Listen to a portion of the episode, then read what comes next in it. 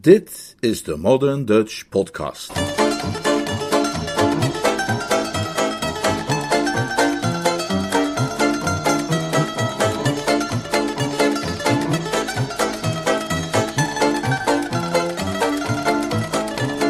Groot gelijk, Jeeves, door P.G. Woodhouse. Een splinternieuwe Nederlandse versie van de roman Jeeves in the Offing, vertaald en voorgelezen door Leonard Beuger.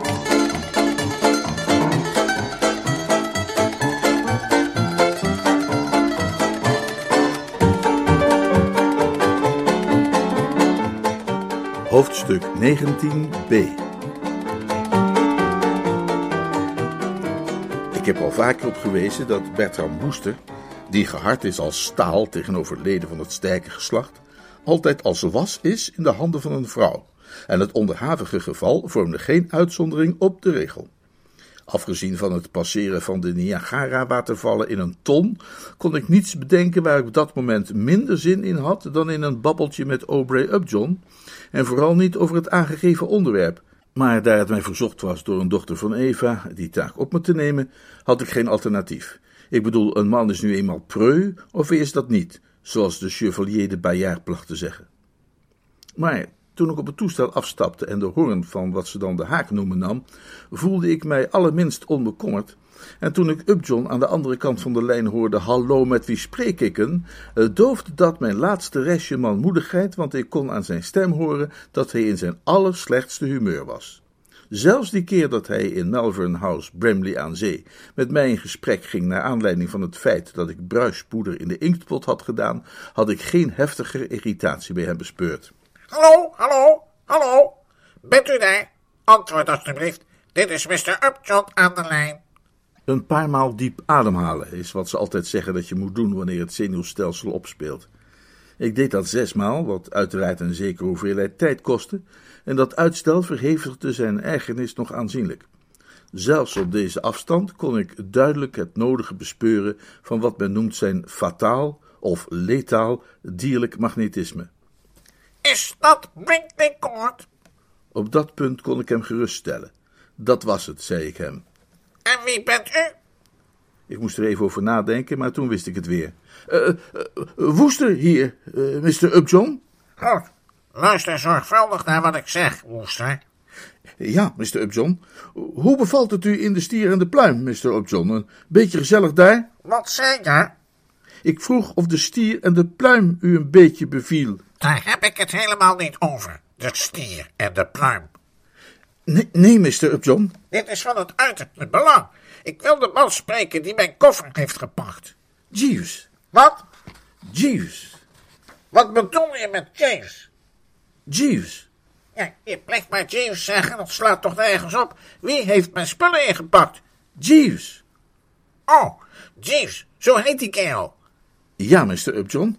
Nou, hij is zo slordig geweest te verzuimen de aantekeningen in mijn koffer te doen voor de toespraak die ik morgen moet houden op Market Snodsbury Lyceum. Ach, heus. Geen wonder dat u zo kwaaiig bent.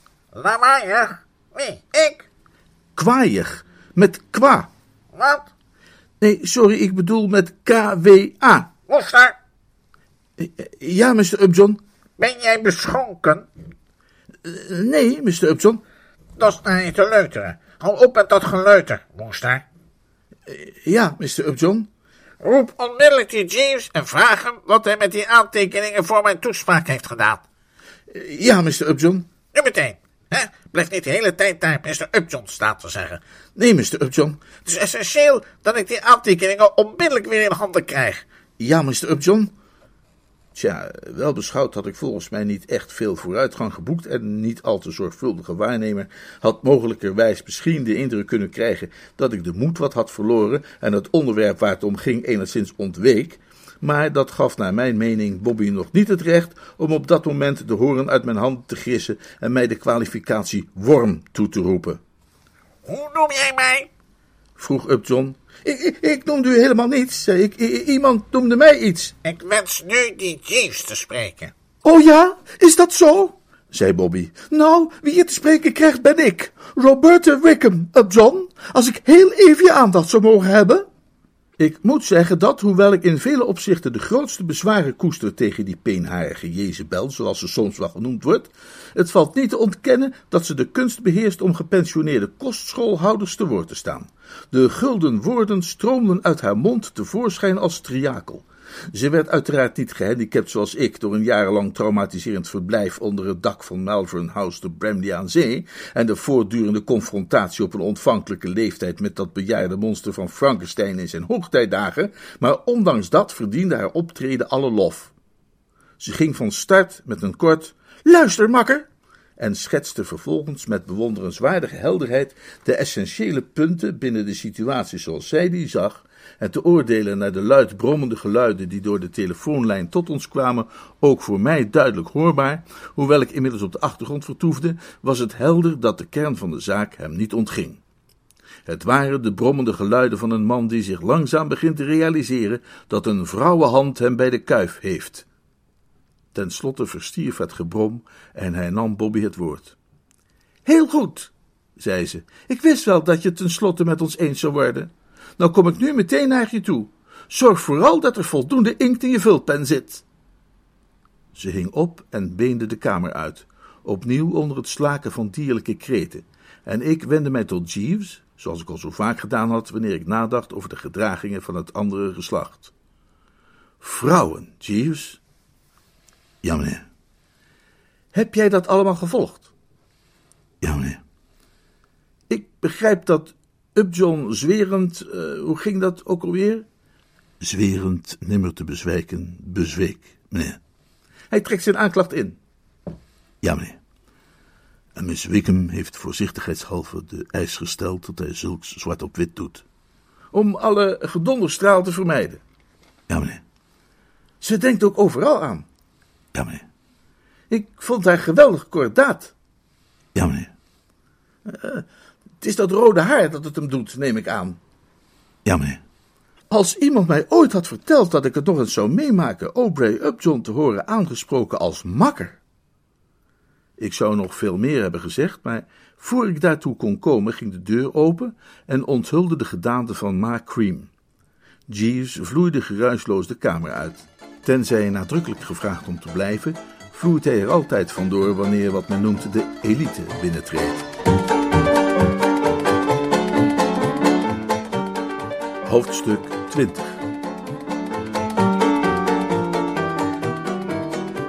Het was de eerste keer dat ik Ma Cream die dag onder oog had gekregen.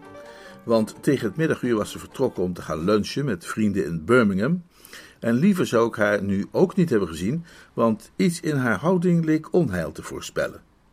Ze zag er nog meer dan anders uit als Sherlock Holmes. Met een kamerjas aan en een viool in haar handen had ze zo Baker Street kunnen binnenlopen en niemand zou daar vragen bij gesteld hebben. Ze richtte een doordringende blik op mij en zei: Ah, daar bent u dus, Mr. Woester. Ik zocht u. U wilde me spreken? Ja. Ik kwam zeggen dat u mij nu misschien wel wilde geloven. Pardon? Over die butler. Wat is er met hem? Dat zal ik u zeggen. U kunt er maar beter bij gaan zitten, want het is een lang verhaal. Ik ging zitten. Ik was blij dat te kunnen doen, moet ik zeggen, want de benen voelden wat zwakjes aan. Weet u nog dat ik zei dat ik hem van het begin af aan niet heb vertrouwd? Oh, ja, dat, dat, dat, klopt, dat is waar. Ik zei dat hij het gezicht had van een crimineel. Daar kan hij zelf niks aan doen. Maar dat hij een schurk is en een valse indringer, daar kan hij wel iets aan doen. Dat noemt zichzelf een butler. De politie zou dat verhaal heel eenvoudig onderuit kunnen halen. Die man is evenmin een butler als ik. Ik deed mijn best. Maar denk eens aan zijn referenties. Daar denk ik juist aan. Hij zou het nooit lang hebben uitgehouden als de majordomus van iemand als Sir Roderick Glossop, wanneer hij niet eerlijk was. Dat heeft hij ook niet. Ja, maar, Bobby zei, ik weet nog heel goed wat Miss Wickham zei. Ze vertelde mij dat hij jarenlang bij Sir Roderick Glossop in dienst was geweest. Nou ja, dat, dat bedoel ik maar. Dus u denkt dat hem dat vrijpleit? Jazeker. Nou, ik niet. En ik zal u zeggen waarom niet. Sir Roderick Glossop leidt een grote kliniek in een plaatsje in Somerset dat Tufnell Regis heet en een vriendin van mij verblijft daar. Ik heb haar geschreven met de vraag Lady Glossop eens aan te spreken en haar naar informatie te vragen over een voormalige butler van haar met de naam Swordfish. Toen ik zojuist terugkwam uit Birmingham, vond ik een brief van haar. En zij schrijft dat Lady Glossop zegt dat ze nooit een butler in dienst heeft gehad met de naam Swordfish. Daar heeft u vast niet van terug. Ik bleef mijn best doen. Wij woesters geven nooit op. U, u kent Lady Glossop niet persoonlijk, is het wel? Natuurlijk niet, anders had ik haar wel rechtstreeks geschreven. Ze is een charmante vrouw, maar met een geheugen als een zeef. Het type dat altijd een van haar handschoenen kwijtraakt in het theater. Natuurlijk herinnerde zij zich de naam niet meer van een butler. Hè? Ze dacht waarschijnlijk dat hij Fungi heette of Binks of iets dergelijks. Het is heel normaal, dat soort geheugengebrek. Toen ik in Oxford was, was daar bijvoorbeeld ook een kerel die Robinson heette. En pas geleden probeerde ik me zijn naam te herinneren, maar het dichtste dat ik erbij kon was Vosdijk. Ja, ik kwam pas weer op toen ik een paar dagen geleden in de Times een bericht las over een Herbert Robinson, 26, van Rove Road, Ponders End, die voor de politierechter had moeten verschijnen in Bosher Street op beschuldiging van de diefstal van een geel met groen geruite broek. Niet dezelfde vent natuurlijk, maar u begrijpt het idee. Ik twijfel er niet aan of eerstdaags op een zonnige ochtend slaat Lady Glossop zich plotseling voor het voorhoofd en roept Swordfish! Maar natuurlijk, en al die tijd heb ik aan die brave kerel gedacht als Catbird. Ze snoof. En als ik zou beweren dat ik vond dat ze een prettige manier van snuiven had, zou ik mijn publiek opzettelijk voor de gek houden. Het was het soort van snuif dat Sherlock Holmes gesnoven zou hebben wanneer hij op het punt stond de knaap die de robijn van de Maharaja had achterover gedrukt, de handboeien om de pols te schuiven. Een brave kerel, zegt u. En wat zegt u hier dan van? Ik heb zojuist Willy gesproken en die vertelt mij dat een waardevolle 18e-eeuwse zilveren roomkoe die hij van Mr. Travers had gekocht, is verdwenen. En waar is die dan nu, vraagt u?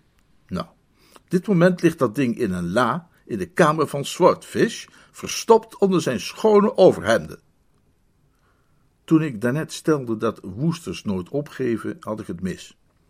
Deze woorden troffen mij midscheeps en ontnamen mij alle strijdbaarheid. Ik was uitgepraat. O ja, zeg, zei ik. Geen sterke opmerking, maar iets beters zat er niet meer in. Ja, meneer, daar ligt het. Meteen toen Willy me vertelde dat het ding verdwenen was, wist ik waar het gebleven was. Ik ging naar de kamer van die Swordfish om die te doorzoeken. Uh, en ja hoor, daar lag het. Ik heb direct de politie gebeld. Opnieuw kreeg ik het gevoel dat ik geestelijk overhoop was geslagen. Ik gaapte het mens aan. U heeft de politie gebeld? Inderdaad. En ze stuurden een brigadier. Hij kan elk moment hier aankomen. En ik zal u nog eens iets vertellen. Ik ga nu voor de deur staan van die kamer van Swordfish om erop toe te zien dat er niemand gaat knoeien met het bewijs. Ik wil geen enkel risico lopen. Zou absoluut niet willen beweren dat u niet voor de volle 100% te vertrouwen bent, Mr. Woester, maar de manier waarop u voortdurend bent opgekomen voor die kerel bevalt me niks. U bent naar mijn smaak veel te welwillend geweest tegenover hem. Nou, het is alleen maar dat ik denk dat hij misschien heeft toegegeven aan een plotselinge impuls en dat soort dingen. Onzin! Hij heeft zich waarschijnlijk zijn hele leven al zo gedragen. Ik wed dat hij zelfs als kleine jongen al dingen stal. Nou, alleen koekjes, eh, biscuitjes eigenlijk. Pardon? Of kaakjes, zoals u ze waarschijnlijk noemt. Hij, hij, heeft me verteld dat hij in de onbezonnen jaren van zijn jeugd zo af en toe wel eens een biscuitje heeft gepikt. Ja, daar ziet u het dan zelf. Het begint met kaakjes en het eindigt met zilveren roomkoeien. Zo is het leven, zei ze, en zoefde er vandoor om haar wacht te betrekken. Ik nam mezelf kwalijk dat ik vergeten was op te merken dat genade niets heeft uit te staan met dwang, maar daalt als zachte regen uit de hemel neer op de korst der aarde. Zo daalt die inderdaad, zoals u ongetwijfeld ook weet, maar dat nog even te noemen had misschien nog net even kunnen helpen. Ik peinsde nog wat na over mijn verzuimen en vroeg me af wat ik nu het beste kon doen, toen Bobby en tante Dalia binnenkwamen. Ze oogden als een jongere en een oudere dame die er allebei uitzagen alsof ze de honderdduizend hadden gewonnen. Roberta vertelt me dat ze ervoor heeft gezorgd dat Upjohn zijn aanklacht wegens smaad heeft ingetrokken, zei tante Dalia. Ik ben er ontzettend blij om, maar ik mag een boon zijn als ik snap hoe ze dat voor elkaar heeft gekregen.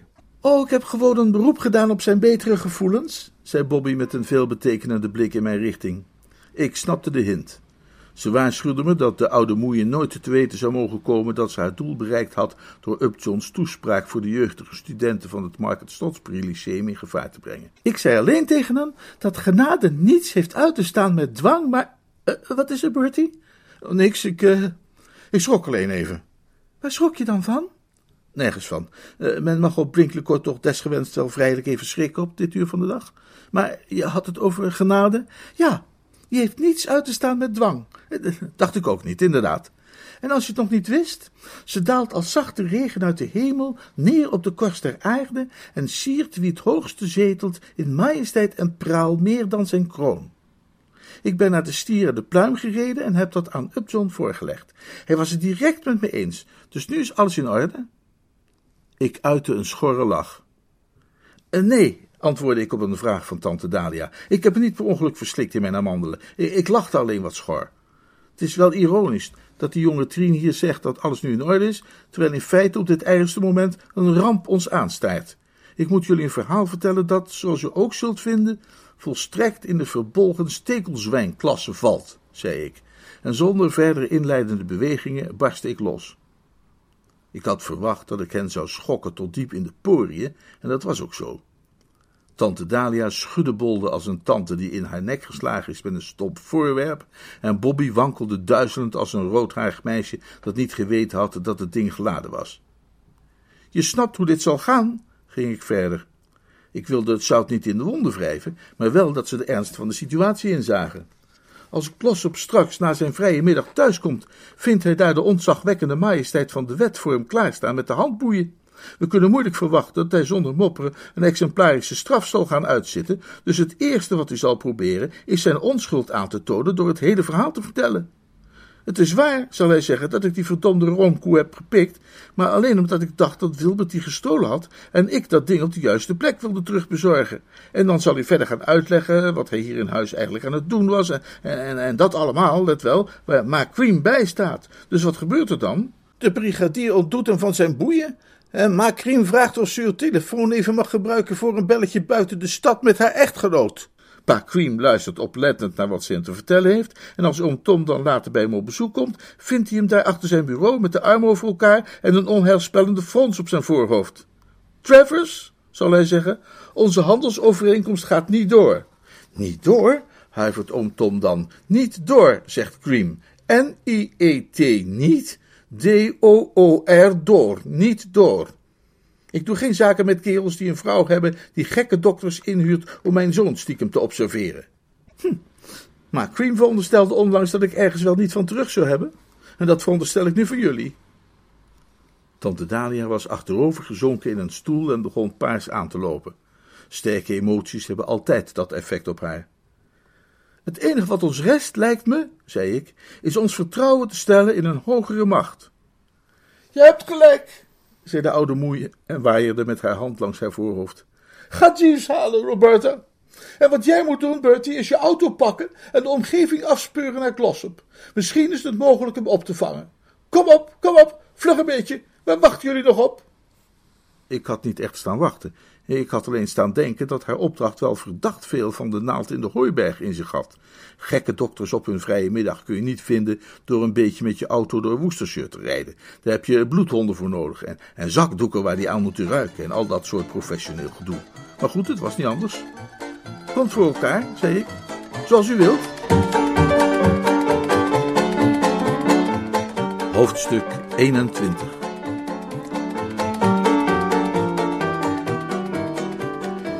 Maar natuurlijk was mijn zoektocht, zoals ik van het begin af aan al had verwacht, een complete flop.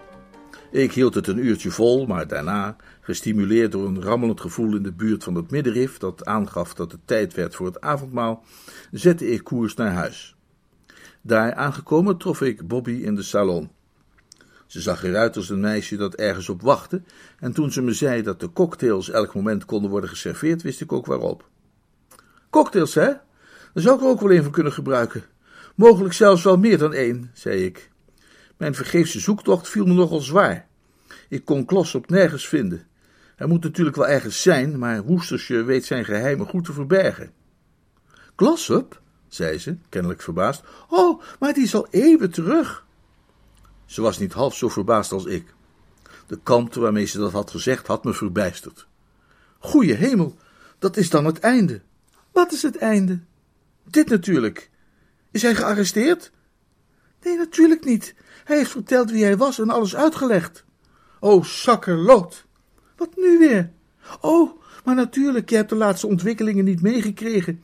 Jeeves heeft alles opgelost. Echt waar? Hij hoefde maar met zijn vingers te knippen. Het was ook zo simpel eigenlijk. Je vraagt je af waarom je er zelf niet opgekomen bent. Op zijn advies heeft Glossop zijn ware identiteit onthuld en gezegd dat jouw tante hem naar Brinkley had laten komen om jou te observeren. Ik wankelde en zou gevallen zijn als ik me niet had vastgegrepen aan een foto op een tafeltje vlakbij met een afbeelding van oom Tom in het uniform van de vrijwillige strijdkrachten van Oost-Worcestershire. Nee toch, zei ik. En uiteraard was dat voor Mrs. Cream meteen overtuigend. Je tante legde uit dat ze zich al langere tijd zorgen over je had gemaakt, omdat je voortdurend eigenaardige dingen deed, zoals langs de regenpijp naar beneden glijden en 23 katten houden op je slaapkamer en dat soort dingen meer. En Mrs. Scream wist te vertellen dat ze je had aangetroffen op jacht naar muizen onder de kleedtafel van haar zoon. Dus zij was het er helemaal mee eens dat het hoog tijd was om jou onder observatie te laten houden door een ervaren deskundoloog als Glossop. Ze was bijzonder opgelucht dat Glossop haar kon verzekeren dat hij een effectieve therapie zou weten te vinden. Ze zei dat we allemaal maar heel, heel aardig voor je moesten zijn. Dus alles is keurig voor elkaar gekomen. Wonderlijk, hè? Hoe alles dan toch weer op zijn pootjes terechtkomt. Vind je ook niet? zei ze. En ze lachte er vrolijk bij. Of ik haar op dat moment nu eigenlijk wel of niet in een ijzeren greep zou hebben genomen en door elkaar geschud tot het schuim uit de oren kwam, is iets waar ik geen definitieve uitspraak over kan doen. De ridderlijke geest van de woesters zou mij waarschijnlijk hebben weerhouden, hoezeer die tergend vrolijke lach mij ook tegenstond. In de praktijk bleef de kwestie echter onbeslist, omdat juist op dat moment Jeeves de kamer binnenkwam met een blad vol glazen en een cocktailshaker van fors model en tot de rand gevuld met het edele sap van de jeneverbes. Bobby ledigde haar drinkbeker in enkele slokken tot de bodem en verliet ons met de mededeling dat als zij zich nu niet snel ging verkleden, ze te laat zou zijn voor het diner, zodat Jeeves en ik alleen achterbleven, zoals twee van die ruwe bonken in zo'n film waar twee krachtige mannen tegenover elkaar komen te staan en de macht van de sterkste de enige wet is. Zo, Jeeves, zei ik. Nee. Miss Wickham heeft me alles verteld. Ah, juist, nee. De woorden ah juist meneer kunnen vrees ik niet volstaan om de situatie van een passend commentaar te voorzien. Een fraaie uh, dinges is dit. Hoe heet het? Een fraaie im, im nog iets. Imbroglio, meneer? Precies. Een fraai imbroglio waarin je met weten te verstrikken. Door jouw schuld? Ja, meneer. Zeg dat wel, ja, meneer. Door jouw schuld sta ik nu overal bekend als niet goed snik. Niet overal, meneer uitsluitend binnen de intieme kring die thans de Brinkley Court verblijft. Jij hebt mij tegenover het oordeel der ganse wereld te kijk gezet als een man die ze niet alle vijf op een rijtje heeft. Het was niet eenvoudig een alternatief plan te bedenken, meneer. En dan zal ik je nog eens wat zeggen, zei ik. En het was de bedoeling dat het pijnlijk aankwam. Ik verbaas me dat je ermee weggekomen bent. Nee. Er zit een zwakke plek in je verhaal waar we met z'n allen gemakkelijk doorheen gezakt hadden kunnen zijn. Nee. Het helpt je niet om daar maar een beetje meneer te gaan staan zeggen. Het is toch duidelijk, die roomkoe bevond zich in Gloss op slaapkamer. Hoe heeft hij dat verklaard? Op mijn advies, meneer, heeft hij verklaard dat hij die uit uw kamer had weggehaald, waar hij had geconstateerd dat u die had verborgen, nadat u die van Mr. Cream had gestolen. Ik was geschokt. Jij bedoelt ja, bulderde ik is de juiste uitdrukking. Jij bedoelt dat ik nu niet alleen meer bekend sta als geschift in het algemeen, maar ook nog eens als een klepto heet het. Uitsluitend binnen de intieme kring zoals die thans de Brinkley Court verblijft. Ja, dat zeg je nu al de hele tijd. Maar je moet toch beseffen dat het pure kletskoek is. Je denkt toch niet echt dat de Creams daar tactvol over zullen zwijgen? Die zullen met zo'n verhaal nog jarenlang overal welkome tafelkasten zijn. als ze terug zijn in Amerika, gaan ze dat verhaal uitbazuinen van de rotsige kust van Maine tot aan de Everglades in Florida. Met als resultaat dat als ik daar weer eens heen ga, iedereen mij, waar ik kom, scheef zal aankijken en de lepels gaat natellen als ik vertrek.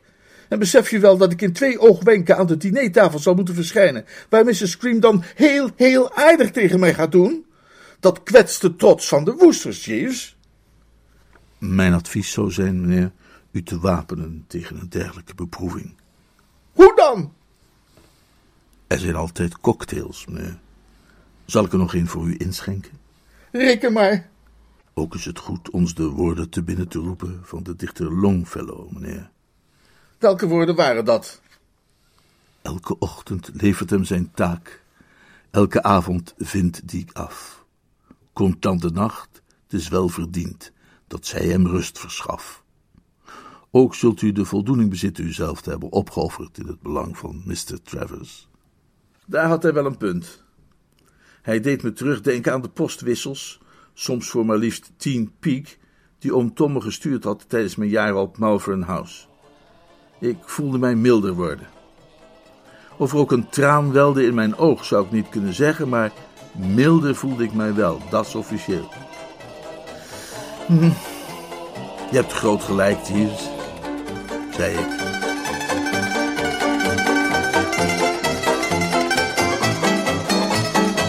is the brook that kisses the lane, covered with glory vines? And you can see what's troubling me, I'm crying for the Carolines. Where is the gal that I used to be, now where the pale moon shines?